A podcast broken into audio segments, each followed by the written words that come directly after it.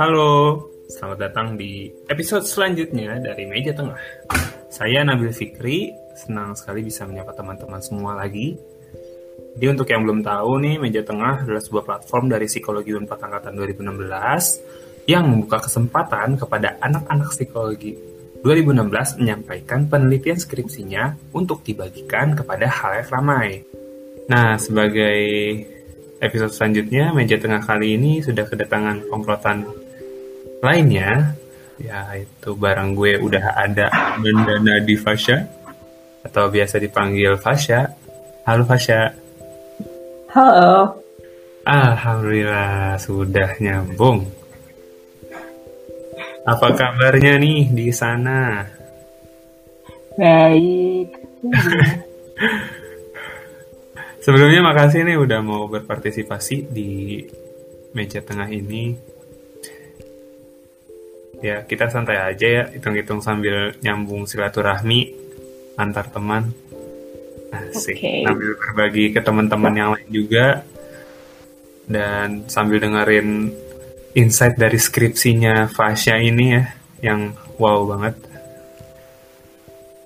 Oke, hari ini gue mau ngajak Fasya dan teman-teman buat ngobrolin skripsinya Fasya dengan judul pas judulnya apa Fas? Um, rancangan virtual environment dalam virtual reality sebagai media intervensi untuk kecemasan sosial. Oke, jadi rancangan virtual asik. Ini bau-baunya teknologi banget nih. Ya, ya. pakai VR virtual reality ya kalau teman-teman tahu sih VR tuh virtual reality jadi ngebuat virtual environment jadi jatuhnya ngebuat lingkungannya gitu pas Iya, cuman lingkungannya doang. nah, dan skripsi ini dibimbing oleh the one and only ya? Yes. jadi untuk teman-teman Kang Awal itu adalah salah satu dosen psikologi Unpad yang namanya Aulia sebenarnya. Jadi gini pas ada pertanyaan yang sangat ingin gue tanyakan nih ke skripsi lo. Yang paling utama adalah kenapa bisa bentuknya seperti novel tulisan sangat berbeda dengan skripsi pada umumnya ini ya. Aduh. Awalnya tuh gara-gara gara-gara gue ya biasa dan bercanda. Jadi kan awalnya dari itu kan berbagai-bagai feedback. Mulai yang dari yang Madman mungkin lu juga tahu yang pas apa? Ketika orang-orang baca itu tuh nggak ada yang ngerti. Yang ngerti cuma gue sama Kang Awal gitu. UP pun juga begitu gitu. Heeh. Sampai akhirnya Kang Awal bilang, iya pas feedback bagi kita ya. Eh ternyata kita ngerti orang lain gak ada yang ngerti. Terus gitu akhirnya. Iya bener-bener gak ada yang ngerti. Terus udah gitu. Padahal singkat banget, 3 bab cuma 30 halaman. Awalnya, Tiga bab berapa halaman? 30.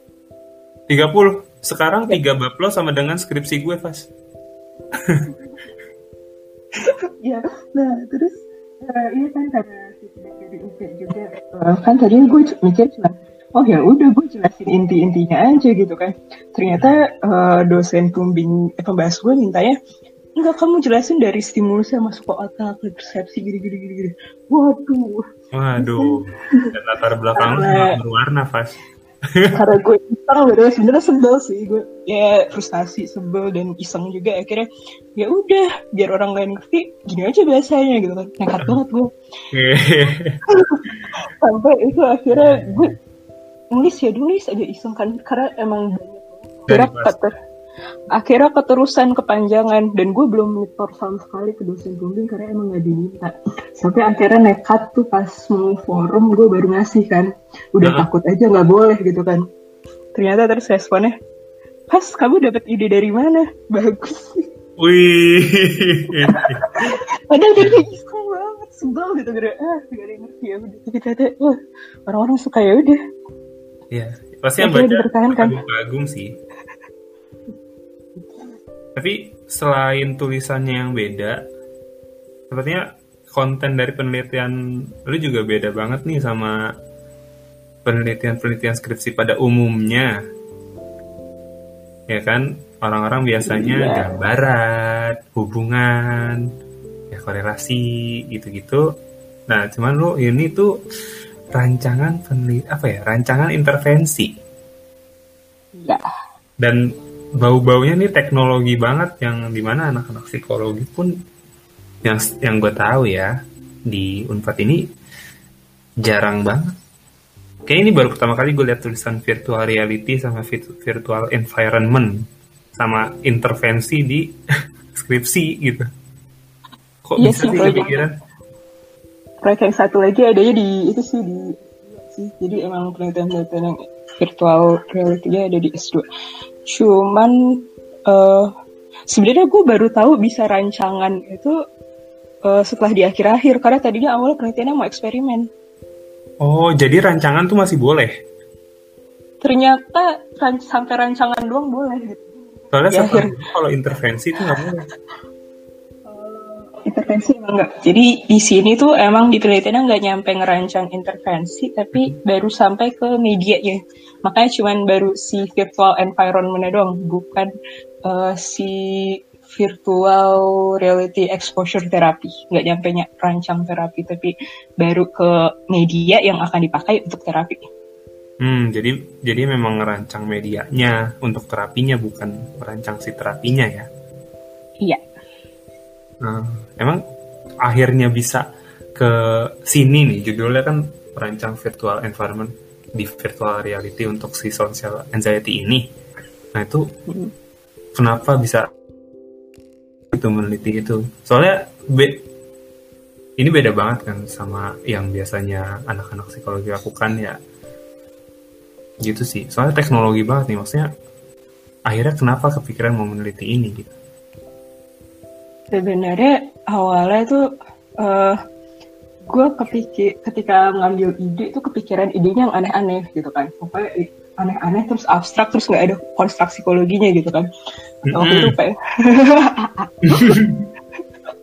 pengen bikin apa mobil lah VR lah apa. Terus sampai akhirnya sedangkan teman-teman gue yang lain udah jelas gitu idenya. Apa akhirnya kang Al nanya kamu sukanya di apa? Gitu kan sukanya apa? Terus dia bilang neuroscience terus katanya eh, akhirnya di itulah disenggol lah sama dia oke saya ada eh, kayaknya dia juga ngelihat gue senang dengan teknologi dan lain sebagainya gitu kayaknya Mm-mm. akhirnya dia bilang "Eh, saya ada proyek eh, bikin virtual reality untuk eh, kecemasan sosial.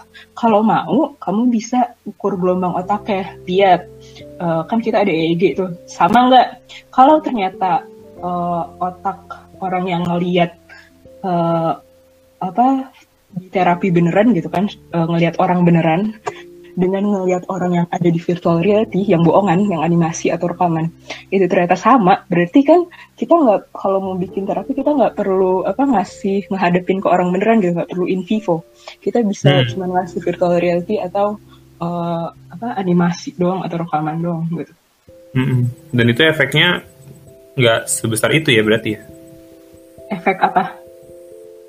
Efek, Iya sih, kalau- oh beda ya, beda. Iya nggak sama aja. Jadi kita itu sebenarnya hmm, apa ya istilahnya nggak terlalu penting apa yang bukan nggak terlalu penting apa yang ada di dalam otak apa yang ada di otak kita apa yang model yang kita miliki itu lebih berperan dalam membangun realita daripada apa yang uh, sebenarnya ada di luar sana jadi mau itu orangnya beneran mau itu orangnya bohongan kita akan merespon dengan sama gitu Mau Wow. beneran, gitu. What the hell is this?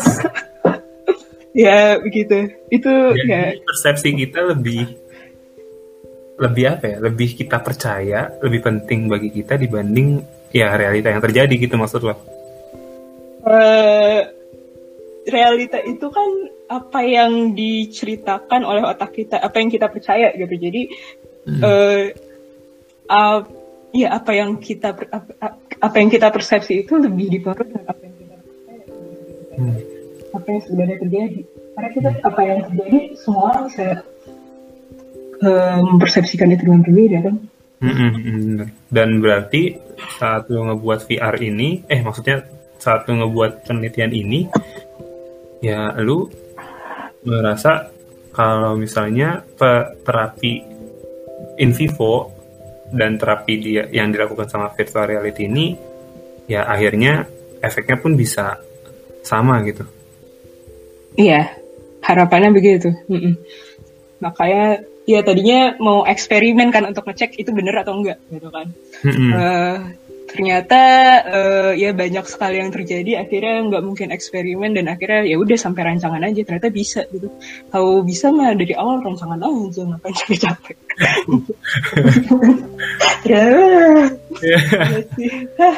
Oh, berarti awalnya mau ngelihat nih perbedaannya kalau virtual reality sama yang asli atau ya secara langsung itu gimana dari gelombang Hmm. otaknya.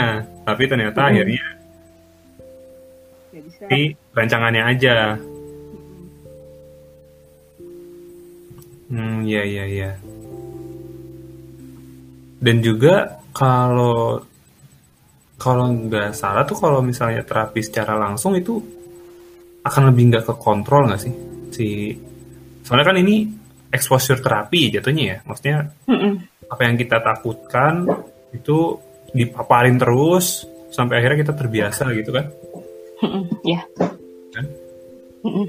sedangkan kalau di VR kan kita bisa ngontrol ke apa ke seberapa intens seberapa dan itu aman itu aman Eh, kalau orang eh, misalkan eh, terapi kecemasan sosial gitu ya kalau misalkan di lingkungan yang beneran ya lingkungan beneran.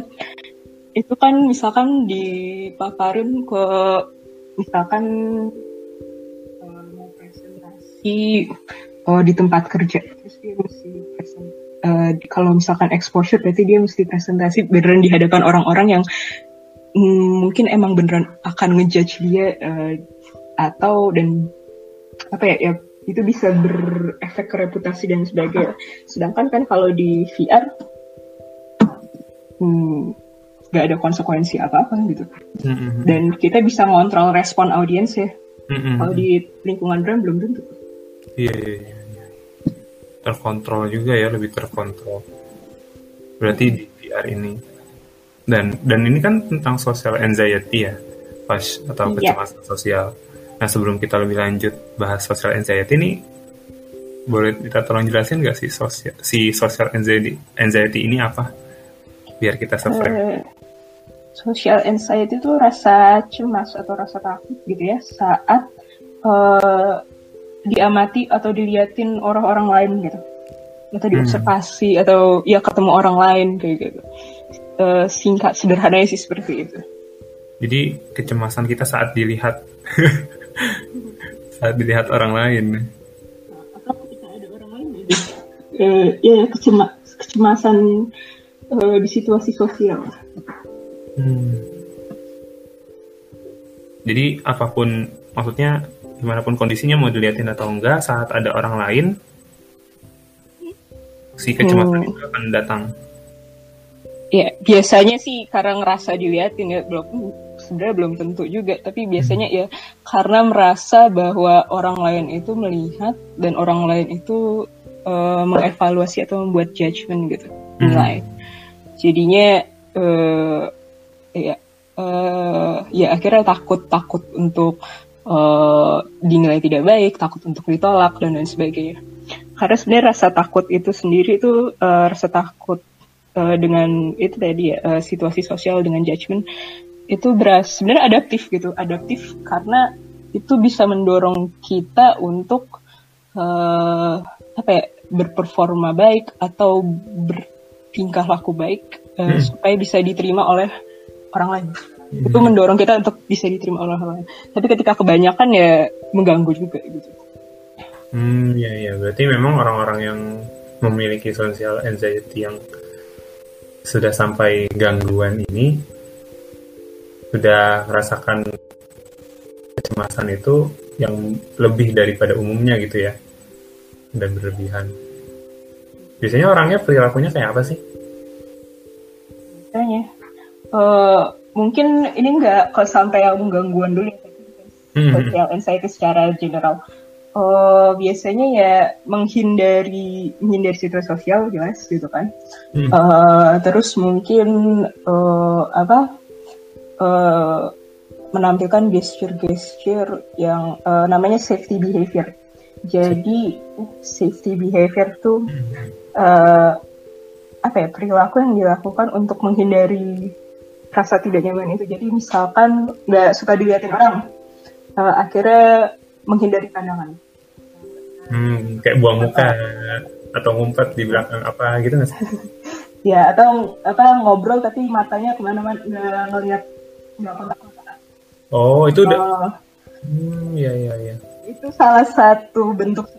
Tapi bukan berarti orang yang begitu tapi salah satu bentuk safety behavior. Kayak gitu. Ya, ya. Hmm, jadi ya saat kita ngobrol nih misalnya, terus mata kita nggak tatapan karena misalnya gue nggak mau.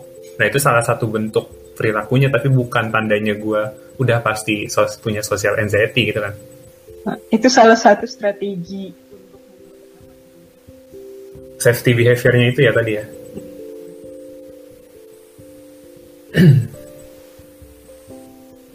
Pas. Ya. Nah, kan si social anxiety ini salah satu apa ya? Salah satu isu lah ya di kesehatan mental nih. Mm-mm. Terus kenapa sih akhirnya ke isu kesehatan mental ini yang ke social anxiety bukan kesehatan mental yang lain? Hmm, karena karena paling relatable sih pertama itu kedua Apa eh, apa apa? Sorry. paling relate Oh, paling relate. Iya ya, I see, I see. Terus terus. Eh, karena gini jadi orang dengan social anxiety itu kan eh, mereka takut dengan orang lain gitu kan akhirnya Hmm. mereka akan menghindari eh, orang lain termasuk orang termasuk terapis gitu termasuk orang yang bisa membantu mereka mengatasi kecemasan sosial ini jadi kan rada-rada eh, dilema gitu ya catch 22 jadi eh, untuk mem, apa menghilangkan social anxiety, mengatasi social anxiety-nya dia harus menemui objek yang dia takuti gitu kan. Hmm. Uh, apalagi kalau misalkan terapinya itu ternyata melibatkan uh, exposure tadi benar-benar dihadapin ke orang, orang lain. Jadi uh, akhirnya ini yang dipilih kenapa? Karena uh, ketika orang tahu bahwa uh, situ objek yang ditakuti itu sudah nggak beneran kayak ya, objek virtual doang gitu kan Mm-mm. mereka mereka lebih bersedia untuk dewa terapi daripada mereka harus ngadepin orang yang beneran gitu. Hmm, ya ya ya. Biasanya orang yang social anxiety itu di terapinya kayak gimana? Uh, ada macam-macam, cuman kalau yang untuk exposure terapi ini ya dia diceburkan ke situasi sosial. Misalkan kalau untuk performance social anxiety, ya dia uh, dibuat menampilkan sesuatu di hadapan audiens gitu, di hadapan penonton. Kalau di sini kan misalnya presentasi, ada lagi uh, interaksi uh, social anxiety yang uh, berhubungan dengan interaksi sosial. Jadi di di exposure terapinya itu mereka diminta untuk berinteraksi, ngobrol, um, minta apa kayak gitu-gitu. Berarti si social anxiety ini ada dua jenis ya? Iya, Di- secara besar. Hmm. Hmm. Berarti si social anxiety ini kayak ada dua.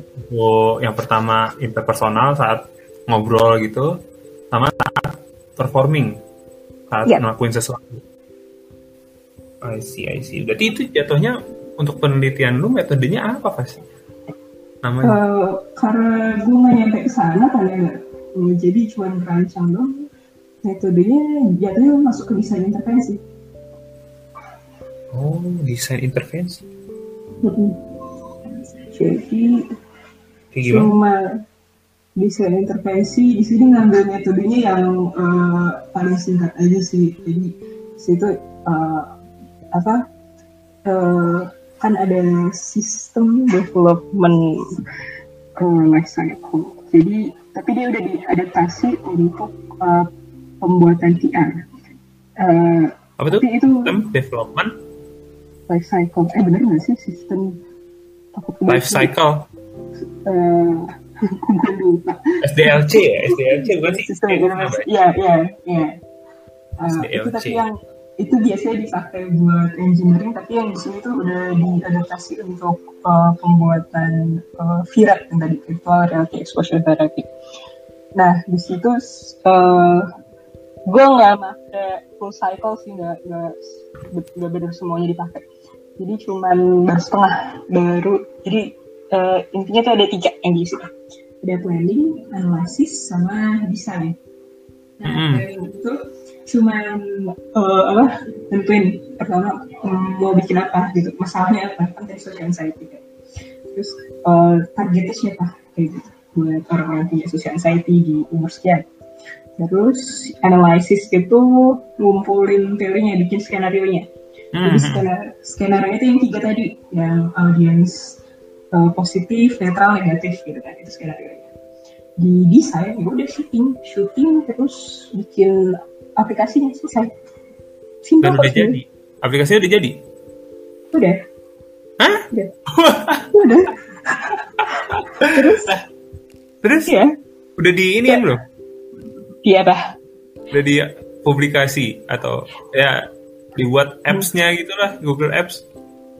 Ada apps tapi nggak masuk ke Google Apps. Eh, jadi abis dari aplikasi itu jadi kan eh, masuk ke evaluasi sama expert. Jadi dikasih ke expert terus dievaluasi kan. Cuman emang gue nggak mempublikasikan aplikasi itu ke pasar karena eh, kan itu pakai aktor-aktor kan ya. Nah itu gue emang nggak minta izin ke aktornya untuk eh, apa buat pemasaran di situ. Emang waktu itu kesepakatannya ya mereka cuma bantuin penelitian gue untuk dieksperimen. Karena kan karena eksperimennya nggak jadi. jadi ya eh, nggak nggak nggak bisa gue pasarin. Wah, soalnya soalnya gini Pak, soalnya menarik banget nih. Karena gue kan sebagai orang yang menonton drakor startup gitu ya, gue tuh sangat lumayan apa lumayan terexposure gitu sama hal-hal yang berbau kesempatan gitu. Oh.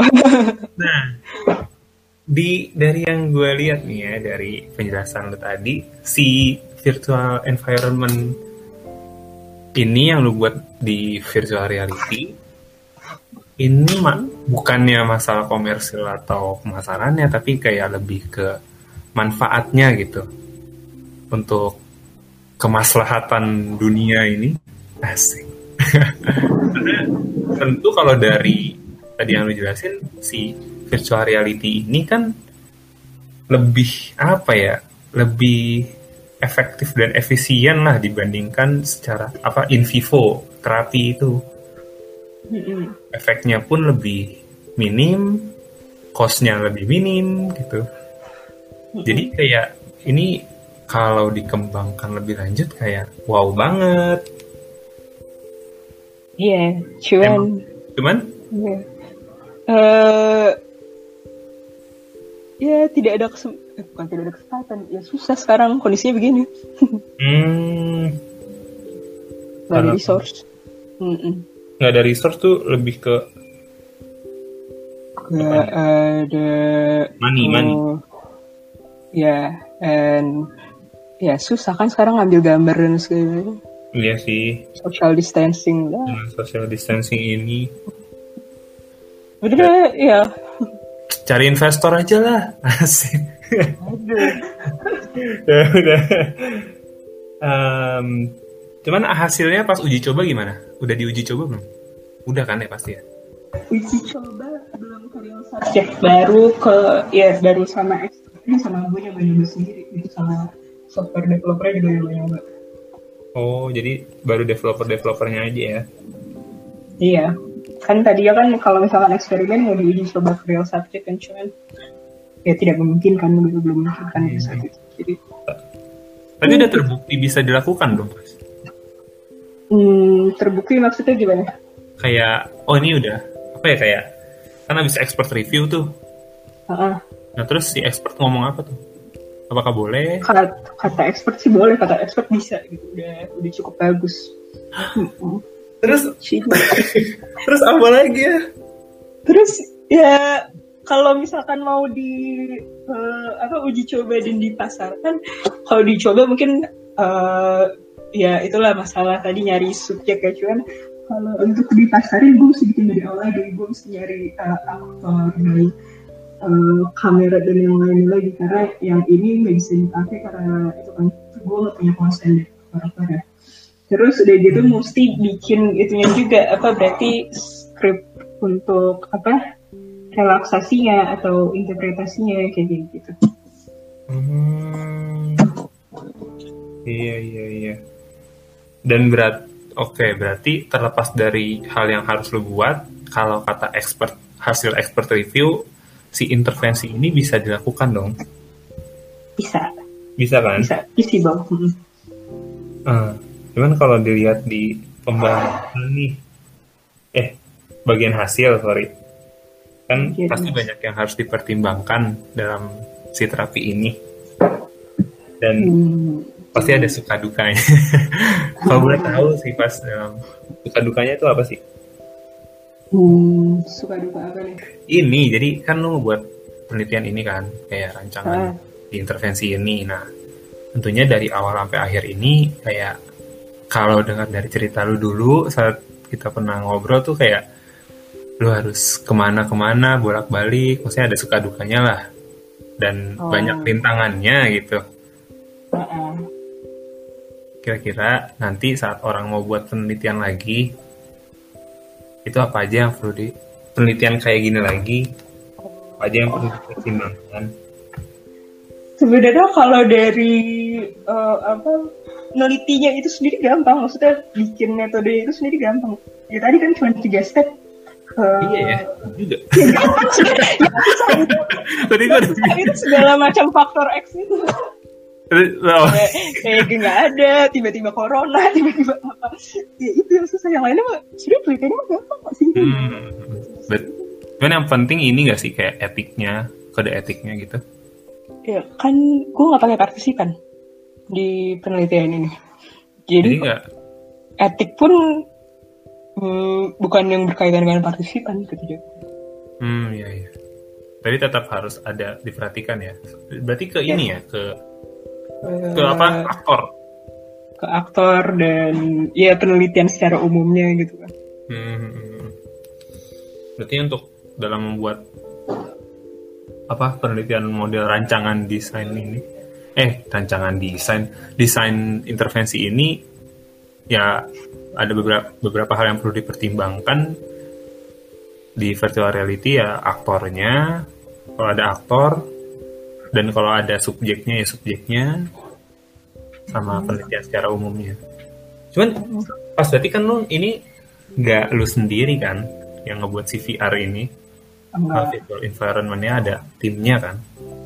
Ada itu dari mana aja Fas kalau boleh tahu itu kenalan Sarah Hah? siapa Anak- namanya anak-anak unpad anak bukan bukan eh, apa Telkom tadinya kan mau sama Unpad tadinya jadi ya ini eh, yang mungkin tadi lu tanya suka dukanya jadi awalnya tuh timnya terus tahu gue ada anak fisika Iya, jadi begini ceritanya. Kan tadi awalnya eksperimen kan tadi ya. Ah. eksperimen, gelombang otak. Nah, terus tadi ya timnya tuh dari fisika, TI, eh, sama yang S2. Nah, Hmm. jadi S2 itu bikin si VR yang rancang skenario dan lain sebagainya. sudah Terus? psikologi nih S2 psikologi. Oke. TI, TI bikin software bikin si VR dan sebagainya. kayak itu Nah, teknologi TI teknologi informatika, teknik informatika, teknik informatika. Nah, ah, ah. Kan. Terus udah gitu fisika itu eh, bikin EEG. Bikin EEG. Nah, gue- Gue tadinya cuman eh, ya udah gue eh, masuk eh, mereka penelitian gitu kan mereka running, gue masuk ngambil apa data eh, si otaknya terus gue analisis. Terus udah sudah selesai gitu kan itu gitu, gitu doang. numpang numpang masuk numpang analisis kang Iya, subjek beda-beda, jadi gue mesti nyari sendiri gitu kan. Terus udah Oke. gitu ternyata eh, apa eh, alat tuh tuh nggak jadi-jadi, CVR nggak jadi-jadi. oke Iya tuh kan. Terus udah gitu gue kayak terbuang sendiri gitu. Terus eh, apa eh, nggak ngerti apa ganti proyek. Terus oh EEG-nya itu akhirnya eh gak jadi jadi ya EEG yang dibuat itu beda dengan EEG yang perlu gue pakai Eh, jadi gitu nggak ada yang EEG. Eh, gitu yang buat EEG gelombang yang otak. buat ya yang ditempel-tempel di kepala buat ngukur gelombang otak. Oh, Oke, oke, terus. itu gak ada. Jadi ya udahlah. Eh, terus kata Kangol udah tenang pas tenang. Terus kayak gitu udah tenang. Eh, yaudah ya ya udah. Eh, apa? Eh, akhirnya karena VR yang nggak jadi jadi bikin sendiri kan cari Hmm. betul ada anak Telkom dia mau bantuin dia itu cepet banget kok kita itu sehari nggak nyampe sehari cuma berapa jam terus eh udah gitu dia bikin software jadi kira cepet banget udah Hah? Tuh, anak Telkom ini buat kurang dari sehari. Heeh. eh rekaman kita rekaman kita bareng-bareng rekaman gitu kan Eh kurang dari sehari itu berapa jam gitu pagi doang Oke. terus udah gitu eh apa eh itu kan dia bikin software bikin software tuh cuma tiga hari atau berapa gitu cepet banget Oh. kan Oke, iya oke. Berarti emang Ya, suka gitu. ya dalam membuat VR ini tidak terprediksi lah ya siapa yang Iya. apa ya nggak ngomong maaf ini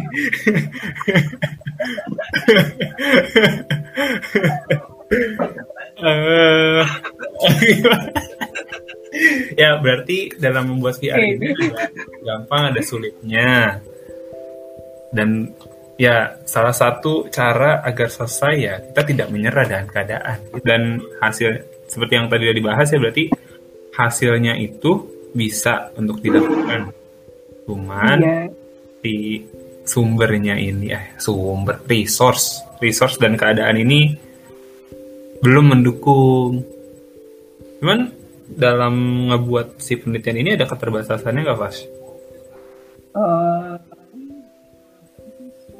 Maksudnya kayak yang harusnya dilakukan tapi nggak dilakukan gitu. Jadi kan level 1, 2, 3 kan tadi ada 1, 2, 3. Yang satu Hmm. positif, yang tiga negatif. Nah yang dua yang netral ini tuh nggak terlalu beda gitu sama level pertama. Jadi Oh. Seharusnya tuh, mm-mm. karena netral ya orang cuman ngapain paling eh, apa benerin apa rambut apalah cuman ini cuman gitu-gitu doang nggak nggak nggak terlalu negatif kan sebenarnya nggak bikin stres atau apa-apa kan. Kalau gue lihat fotonya malah ini, gue kira bakal sama kayak negatif, gue kira ya. Yang dua tuh yang level 2 tuh masih merhatiin masih setengah pandangan masih ke itu ke apa ke presenter ke eh, orang yang punya social anxiety-nya Hmm. Ta- tapi kalau yang level 3 tuh bener kalau misalnya lihat videonya tuh bener ada yang angkat kaki lah ada yang gitu lah Dan kalau Yang- kategorinya positif, netral, sama negatif ini emang udah ada teorinya atau dasarnya? Oh udah ada. Ada ada eh cuman eh, setelah ditelaah lebih lanjut gitu ya ternyata em- emang dari te penelitian sendiri emang netral soal positif nggak terlalu beda sih. Apalagi Hmm. kalau di orang normal gitu kan. Kalau di orang yang punya social anxiety mungkin masih eh, masih ada kecemasan tapi kalau di orang normal dia nggak ada bedanya. Nah tapi terus si apa eh, ada cara buat bikin si netral ini lebih eh, stressful ya itu jadi dia tuh eh, kan kalau mis kalau ngangguk kan jelas-jelas positif geleng-geleng Mhm. jelas negatif kalau misalkan nyatet jatuhnya negatif. positif nggak sih? eh bisa kalau misalkan nyatet apa apa yang diomongin tapi kalau ternyata nyatetnya hmm, nilai pohon. presentasinya gimana Oke. ya nyoret-nyoret atau enggak nilai oh ini orang presentasinya jelek atau gimana gimana itu kan nggak kelihatan.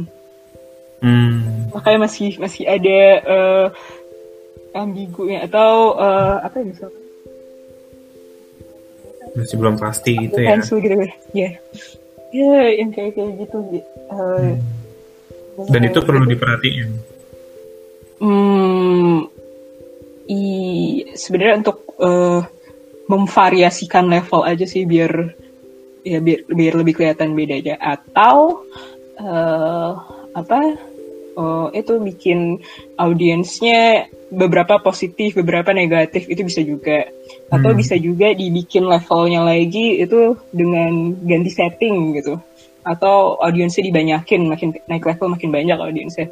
Bisa macam-macam sih kalau misalkan mau dikembangkan untuk ini. Karena Dan- di sini tuh Dan lo tahu mirip apa aja gitu ya? uh, ya, Asik. mirip apa tadi? Mirip apa? apa? Tadi kata lu, lu mau apa yang mirip? mirip oh eh, di sini kan semua levelnya emang mirip semua skenario nya sama semua kecuali si respon penontonnya itu tapi skenario overall sama semua ruangannya sama aktornya sama Hmm. jumlahnya sama kayak gitu jadi ya kurang variatif mungkin tapi emang karena hmm, awal pengembangan jadi emang bikinnya kayak gitu Hmm, ya prototype lah ya ini. hmm. BTW, Fas, iya akhirnya nih, akhirnya yang lu bisa lu simpulin dari penelitian lu ini apa nih, Fas? Hmm, itu tadi bahwa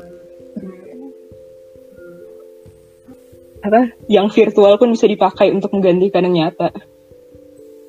Dan itu lebih lebih menguntungkan atau Ya untungnya tadi apa biaya apa terus apalagi eh, lebih bisa dikontrol, bisa dikendalikan, orang lebih mau gitu kan untuk Hmm. menghadapi ketakutannya di dunia yang virtual gitu dibandingkan di dunia nyata.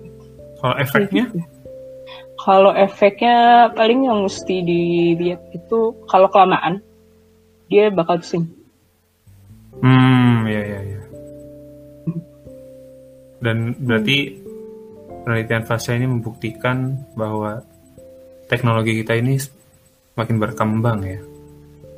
Iya.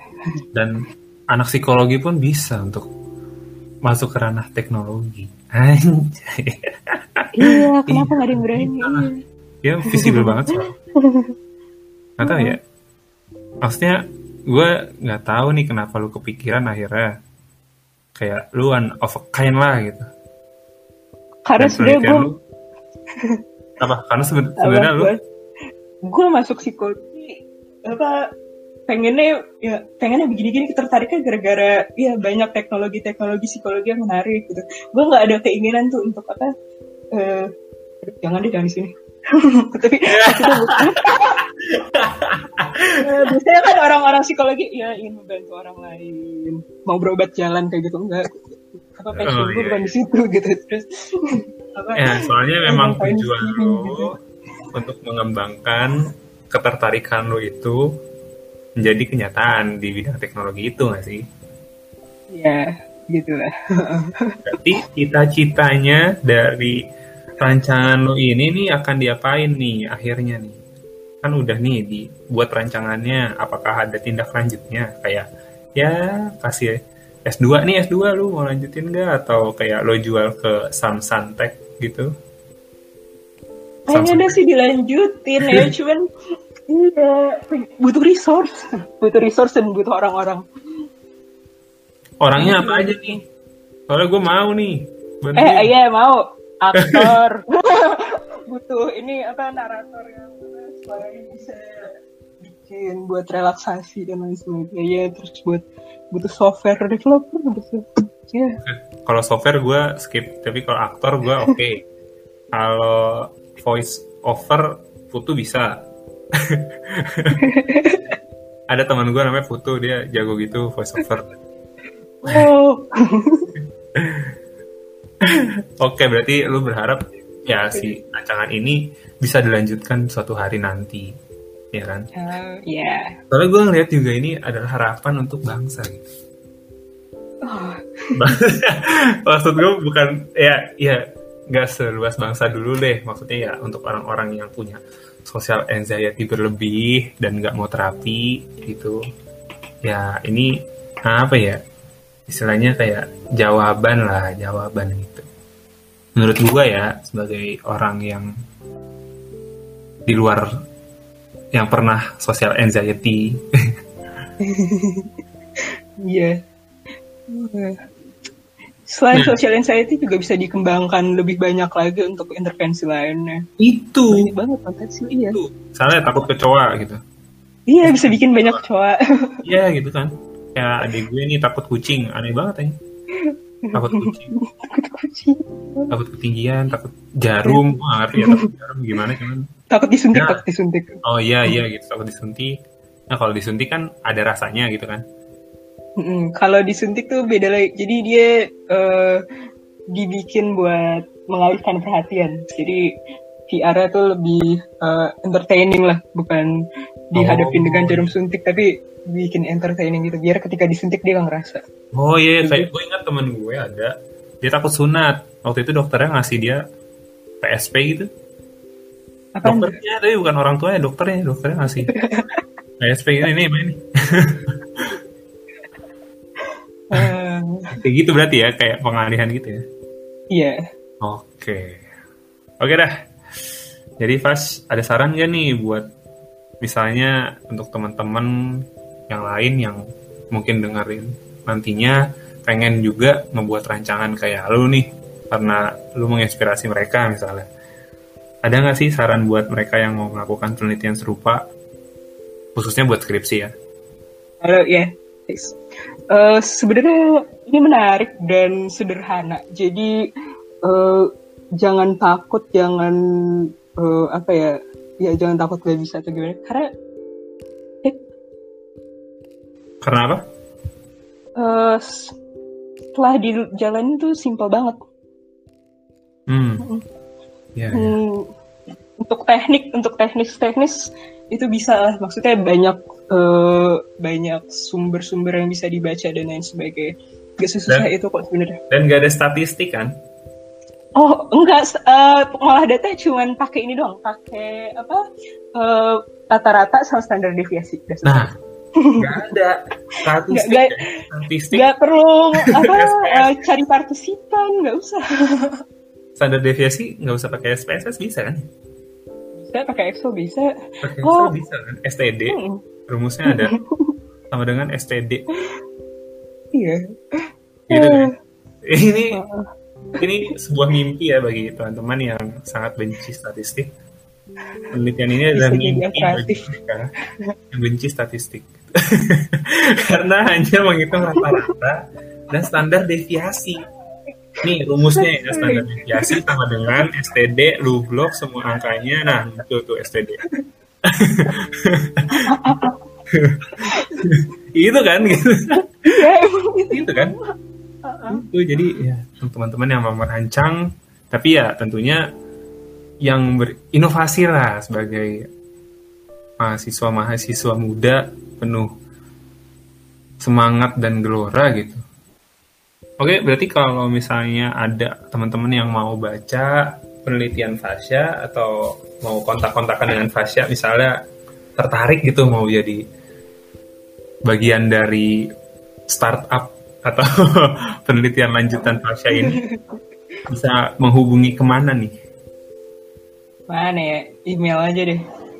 Oke, email Fasya ya. Email Fasya apa? Uh, ANN Sadrina 7 at gmail.com ANN Sadrina 7 at gmail.com 7. Oke. Tuh teman-teman yang mau berhubungan dengan Fasya bisa langsung kontak via emailnya annsadrina7 at gmail.com Oke Fasya, kita sudah sampai di penghujung podcast ini. Terima kasih banyak. Sama-sama